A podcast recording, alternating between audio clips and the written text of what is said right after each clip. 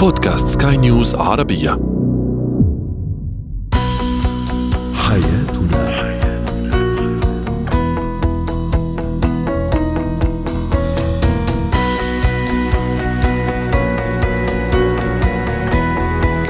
مستمعينا الكرام أهلا بكم معنا إلى حياتنا فضاؤكم اليومي الذي يعنى بشؤون الأسرة وباقي الشؤون الحياتية الأخرى والذي يمكنكم الاستماع إليه عبر منصه سكاي نيوز عربيه dot com slash podcast وباقي منصات سكاي نيوز عربية الأخرى.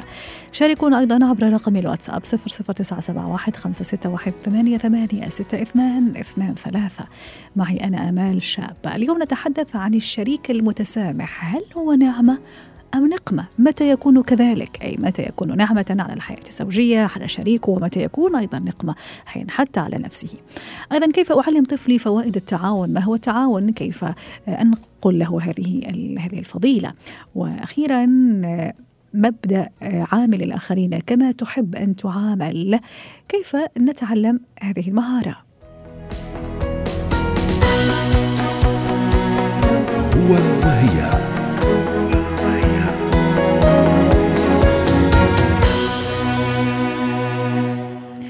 واحدة تحدثنا في حلقات ماضية من حياتنا عن أهمية التسامح بين الشريكين عن أهمية التغاضي عن الهفوات أيضا وتحدثنا أيضا عن أهمية هذه الصفة وكيف أنها يمكن أن تأخذ الزواج إلى بر الأمان. لكن متى يكون التسامح نقمة وأيضا التسامح نعمة؟ دعونا نتعرف على هذا الموضوع مع الاستشارية النفسية والأسرية دكتورة ريما بجاني سعد أوقاتك يا دكتورة ريما. أنا دائما أحب أحكي معك في الموضوع عن الجانب النفسي السيكولوجي الشخصية المتسامحة. كيف ممكن نصنفها؟ شو ممكن نقول عليها كمدخل اليوم لموضوعنا حتى نروح بعدين هذا التسامح؟ كيف يكون أو متى يكون نعمة وشيء إيجابي وجميل ورائع؟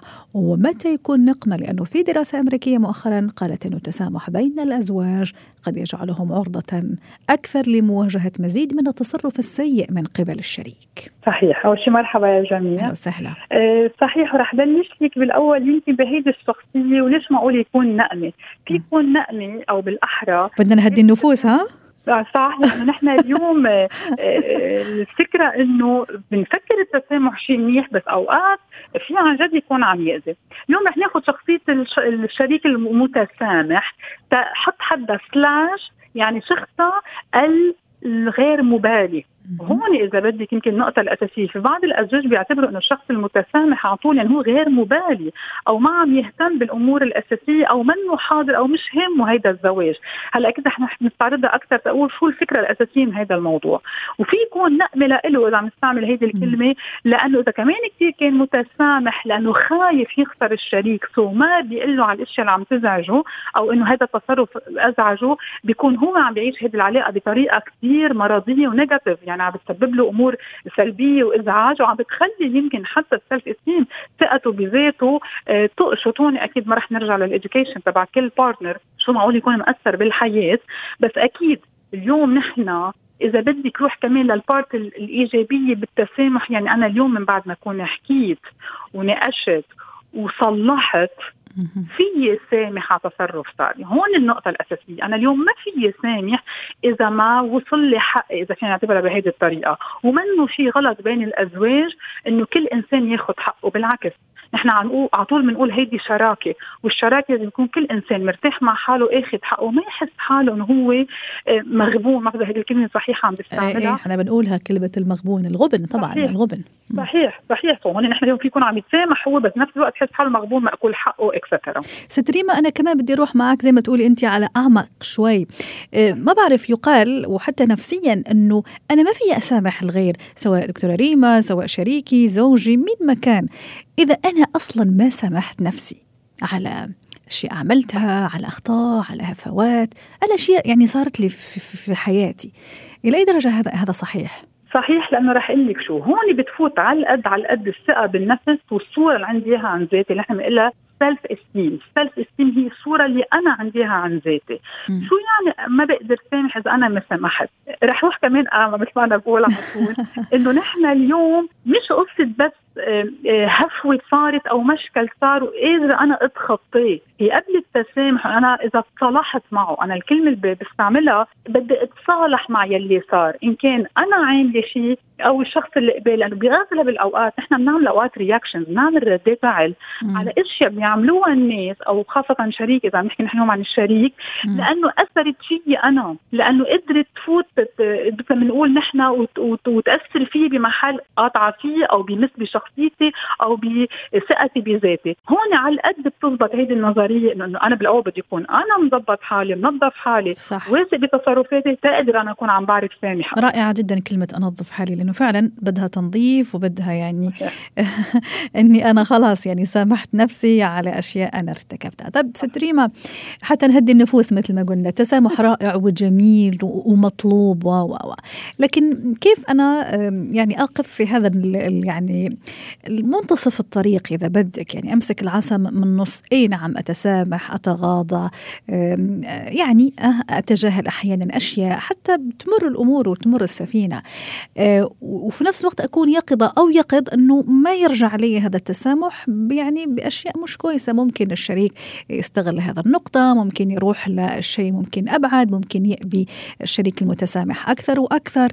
كيف أنا أه، يعني أكون واعي بأهمية التسامح في نفس الوقت؟ خطورته أيضا إذا ما اخذته يعني بالطريقة الصحيحة. صحيح. هون نرجع على أسس العلاقة الزوجية من أساسها. نحن اليوم أنا ليه بدي سامح أو ليه بدي أتغاضى؟ في أمور أساسية بالحياة الزوجية. أنا على طول بقول في شيء مهم في شيء أهم. بس بهيدا كمان التفصيل أنا على طول بقول ما في شيء لازم يقطع مرور الكرام. بس كمان بننتبه إنه في شيء اسمه communication skills كيف عبر عن ذاتي من دون ما أكون عم بعمل مشكل أنا مش هدفي أعمل مشكل أنا هدفي ما ترجع تنعاد. هون برجع لك النقطة الأساسية بغض النظر قديش هي كبيرة أو صغيرة، وهون يمكن أوقات بعض الناس يمكن بطريقة يمكن خاطئة بيعتبروا إنه مش حرزانة وبلا ما أحكي عنها، أبدا، أنا أوقات تكون أمور super super صغيرة بس مثل ما عم بتقولي فيها تأدي بعدين لأمور كبيرة. ما لازم اتغاضى عنها بس أعرف أحكي عنها. مشان هيك إذا بدك هي good combination بده يكون الإنسان اول شيء عارف حاله مثل ما قلنا قبل شوي هو شو بده من هيدي العلاقة حاطط الهدف الأساسي من العلاقة الزوجية عارف يضوي على الأمور الأساسية رح تأثر على زواجه يعني الاشياء المهمة والأهم ويعرف يعبر عنها وهون رح أقول لك النقطة الأساسية بقصة التسامح وما يضل معلق عليها. يمكن أنا اليوم النقطة الأساسية بالتسامح شو يعني أنا هيك بروح فيها إنه أنا اليوم من بعد ما حكينا وصلحنا اتو مش كل يوم والتاني برجع بذكره فيها أو بذكرها فيها. يعني اليوم هيدي إذا بدك بالتسامح الأساسية. وانس انشغلت خلص صارت من الماضي. مش هيك؟ بكثير أمور. حتى يمكن بسمح لحالي أقول حتى الأمور الخيانة. إذا الكابل رجعوا مثلا إذا الرجل اعترف وبده يرجع يظبط العلاقة. أمنع وأجزم إنه المرأة ما لازم بقى ترجع تضل تشكك فيه تضل تحسسه بالذنب تضل تقول له تضل أنه عم بتحس إن هي مش واثقة فيه. اللي هي موضوع صعب بس مش هيك أعطيتك اكزامبل صعب أنا اليوم كيف بسامح بأكد إن هالعلاقة وين رايحة وبنظفها مزبوط وشو شو الأسباب اللي أدت لهيدي الخيانة بس نفس الوقت ما تضل عيدها على طول. نقطة كثير أساسية كيف نعرف نميز إذا أنا اليوم بدي سامح يعني أنا اليوم خلص تصالحت أنا شخصيا مع هذا الموضوع. كيف تتصالح معه؟ إذا عرفت نظفته صح. رائع. شكرا لك دكتورة ريما بجاني الخبيرة النفسية الأسرية ضيفتنا العزيزة من بيروت ويومك سعيد. زينة الحياة.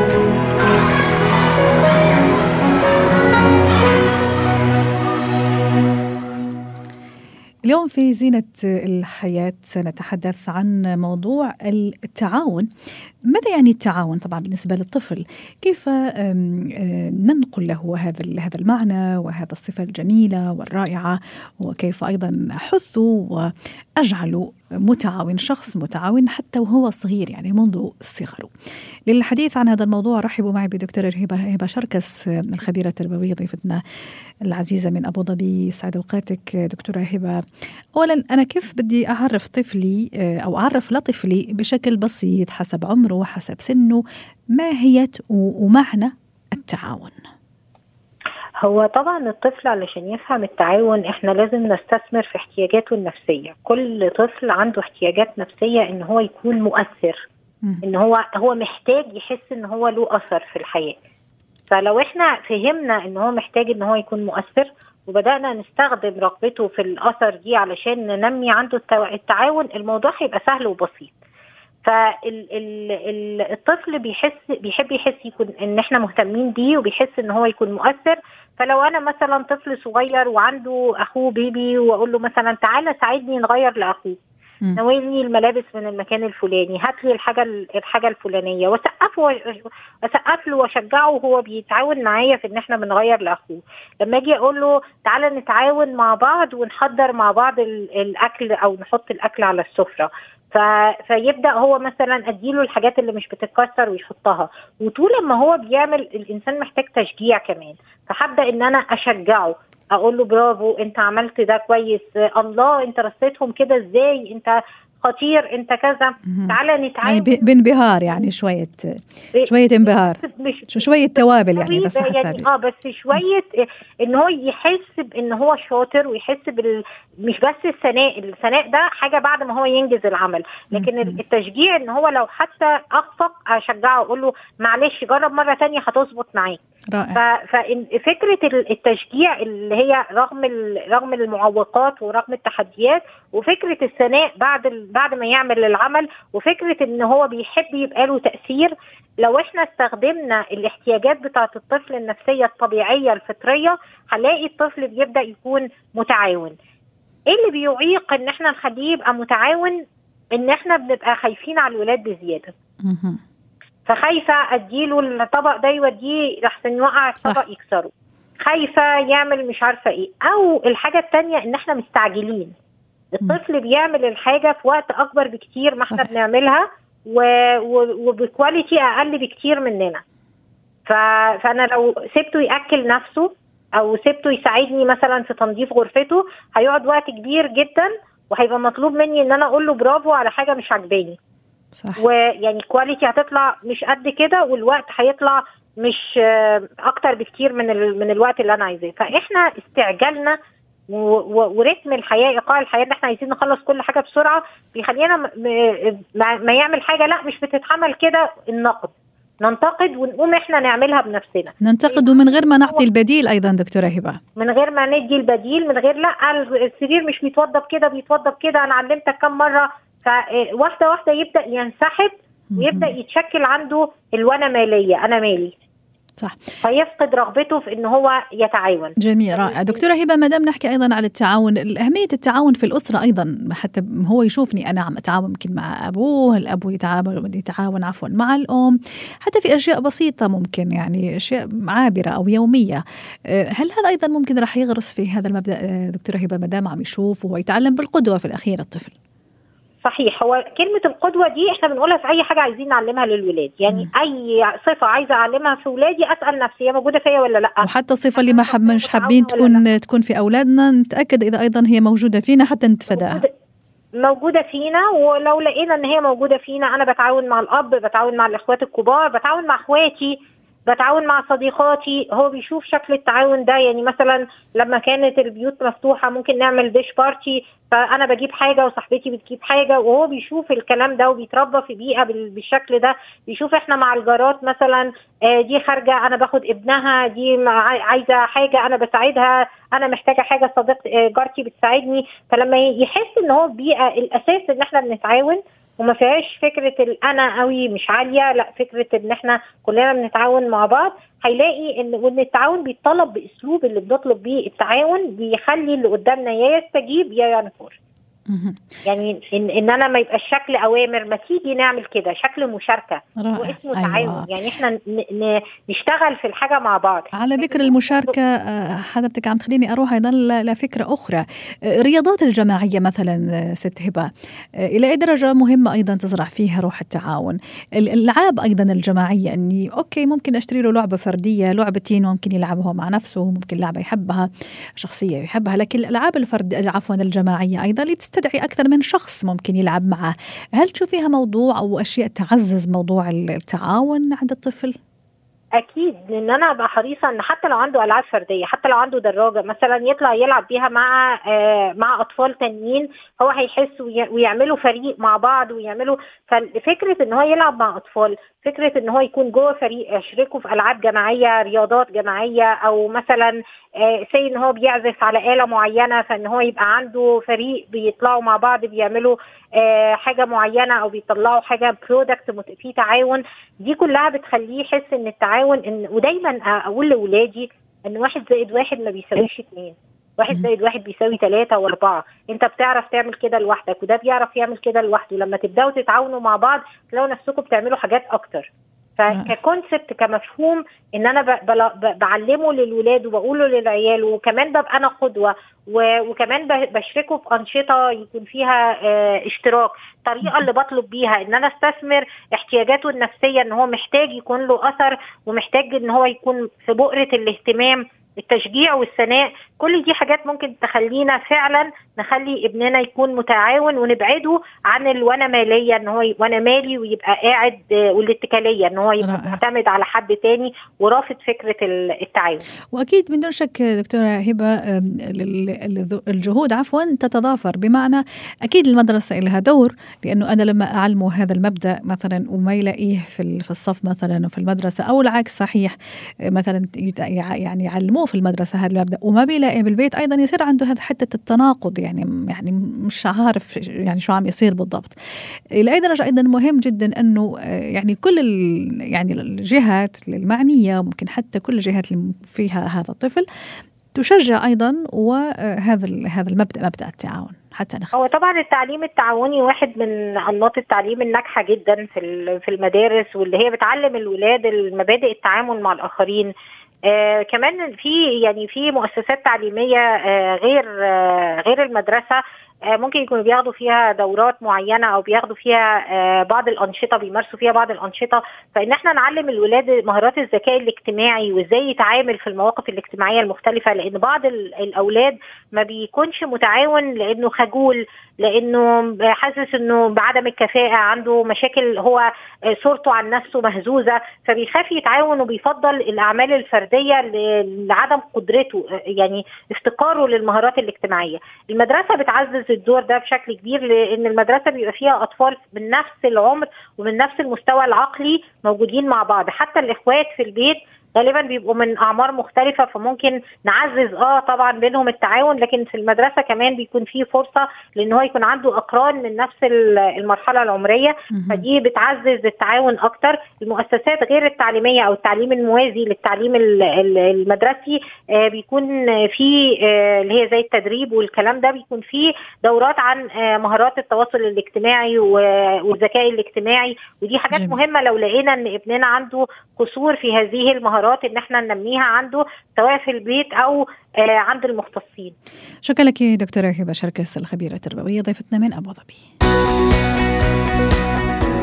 مهارات حياة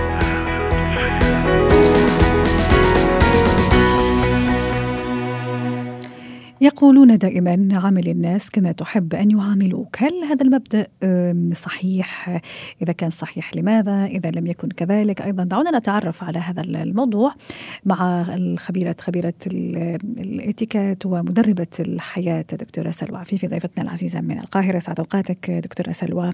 كان هذا في الحقيقة سؤالنا التفاعلي على منصات سكاي نيوز عربية، هل تؤيد المبدأ القائل عامل الآخرين كما تحب أن يعاملوك ولماذا؟ تعليق يقول يا أهلا وسهلا. والله اخترتي ووفيتي بصراحة بهذا الموضوع لأنه آه هذه العبارة عامل الناس كما تحب أن تعامل أو كما تحب أن يعاملوك. هي تلخص فلسفة الإتيكيت كله. اولا هو مبدأ إلهي ويعني سنة كونية ومتفق عليها لدى كل الأديان والحضارات والثقافات منذ قديم الأزل وقبل الميلاد حتى. يعني الثقافات يمكن أو الأديان البوذية والفرعونية والإغريقية وكلها. حتى حينما جاءت المسيحية وأيضا الإسلام. فكل الديانات تؤكد هذه أو هذا المبدأ. فهو فعلا يعني علم الاتيكيت حين وضع وضع على أساس مراعاة مشاعر الآخرين وضع على فلسفة علم النفس. كل ما يضايق الإنسان له في المقابل قاعدة لتضبط هذا السلوك الإنساني. لأنه نحن مختلفين طبعا. فسترين أنه الاتيكيت هو حسن التصرف أدب السلوك تفضيل الآخر على النفس مراعاة مشاعر الآخرين آه، عدم التدخل في خصوصيات وشؤون الغير. نتمنى لغيرنا كما نتمنى لأنفسنا. أحترم الآخرين كما أود أن يحترموني. أحترم مواعيدي أحترم الوقت أحترم كلمتي. هي أشياء كثيرة جدا فهو مبدأ أساسي لا يتغير مهما تغيرت القواعد. يعني نحن دائما نقول أنه الاتيكيت علم متطور ويواكب الظروف والتطور عموما. أما هذه القواعد الذهبية لا يمكن خرقها. فستجديها هي المعيار الذي تضبط باقي القواعد. دكتورة سلوى ما رأيك نستعرض بعض التعليقات السادة المستمعين إجابة على سؤالنا. عبير تقول طبعا وأنا معتمدة هذا المبدأ بحياتي حلو نحس بشعور الآخرين وكأنه شعورنا ونراعيهم كأنه بنراعي أنفسنا. تعليق آخر يقول آه كن محسنا وإن لم تلقى إحسانا. أيضا في تعليق آه، آخر في قلوب بعض البشر طيبة تمنعهم من الإساءة. وأخيرا مبدأ خاطئ في رأيي لأنه لو عاملت كل شخص على حدة هناك من سيعاملك بصدق وآخر بنفاق وآخر أيضا بثنائية قصده بازدواجية. لو عاملنا كل شخص كما يعاملنا سنجمع كل صفات الآخر السيئة منها والطيبه الأفضل أن تكون معاملتك يعني كل على حدة. هذا اللي قصده. أوكي. آه ست سلوى أنا راح آخذ خليني آخذ من هذا الفكرة انه نناقش يعني الضد والمع والضد. نعم. البعض يقول أنه كل إنسان هو كيان مستقل وله اهتمامات مختلفة عفوا وشخصية وأسلوب فريد يعني. وبالتالي لا يجب أن نجعل أنفسنا مسطرة. إذا بدك نقيس بها آه، تعاملاتنا مع الآخرين ولا نعاملهم بالتالي بالطريقة التي نحب أن يعاملون بها. هذا يؤثر نعم. سلبا وبالتالي يخلق أيضا هو كبيرة في العلاقات. إيه, إيه نعم. رأيي أنه جاءت القاعدة الأخرى لتضبط الميزان. القاعدة البلاتينية عامل الناس كما يحبوا أن يعاملوا. م. شفتي إزاي؟ فهي من الكفتين. يعني عامل الناس كما أنا أحب أن أعامل في الأساسيات. حتى لو الشخص أخذ بي مثلا آه، عفوا يعني المستوى انخفض في التعامل أنا أرتقي به بمستواي. لا أترك الآخرين يأخذوني حينما آه، شاءوا. بالعكس أنا أعامل الناس بنية طيبة.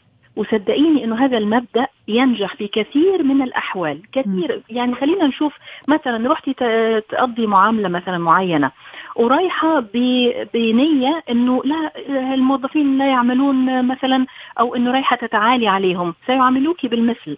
روحي مرة بنية طيبة إنه هؤلاء الموظفين يمكن مطحونين شوية في عملهم إنه آه، عملهم روتيني ممل الأجواء غير مواتية وعامليهم بإنسانية.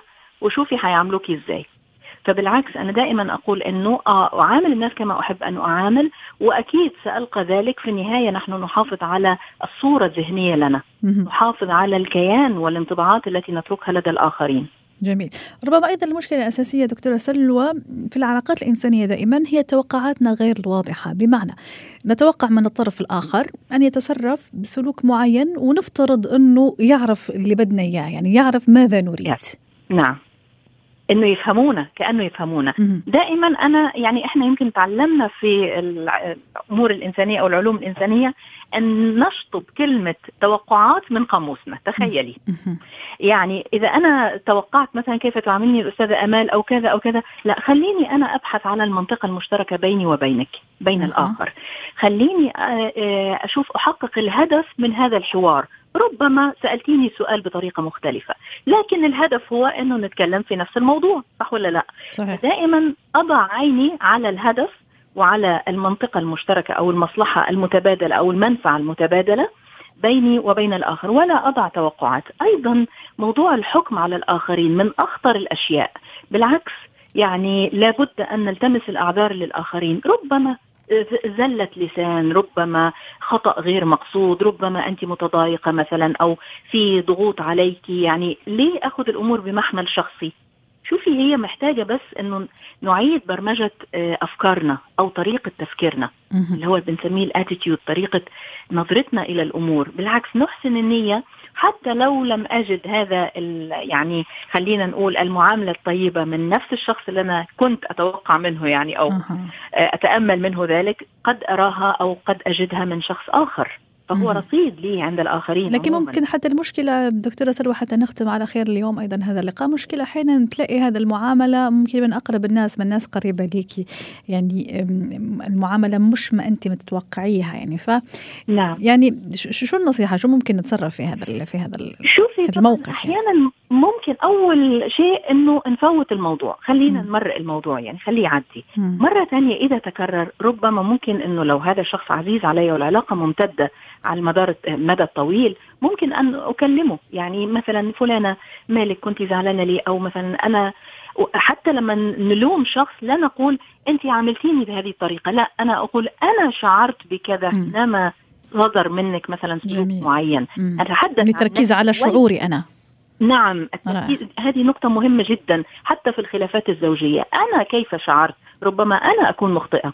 وأيضا يعني لابد أن نراجع أنفسنا. هل أنا لا أخطئ؟ أكيد أنا أخطئ. صحيح أكيد. صحيح. وأكيد الآخرين أيضا يتضايقوا مني في بعض الأشياء. فلابد أن واضح. يعني يكون عندنا وعي بالذات ونحاسب آه، أنفسنا قبل أن نحاسب الآخرين. شكرا لك دكتورة سلوى. عفيفي ضيفتنا العزيزة من القاهرة. ختام حلقة اليوم من حياتنا شكرا لكم وإلى اللقاء حياتي.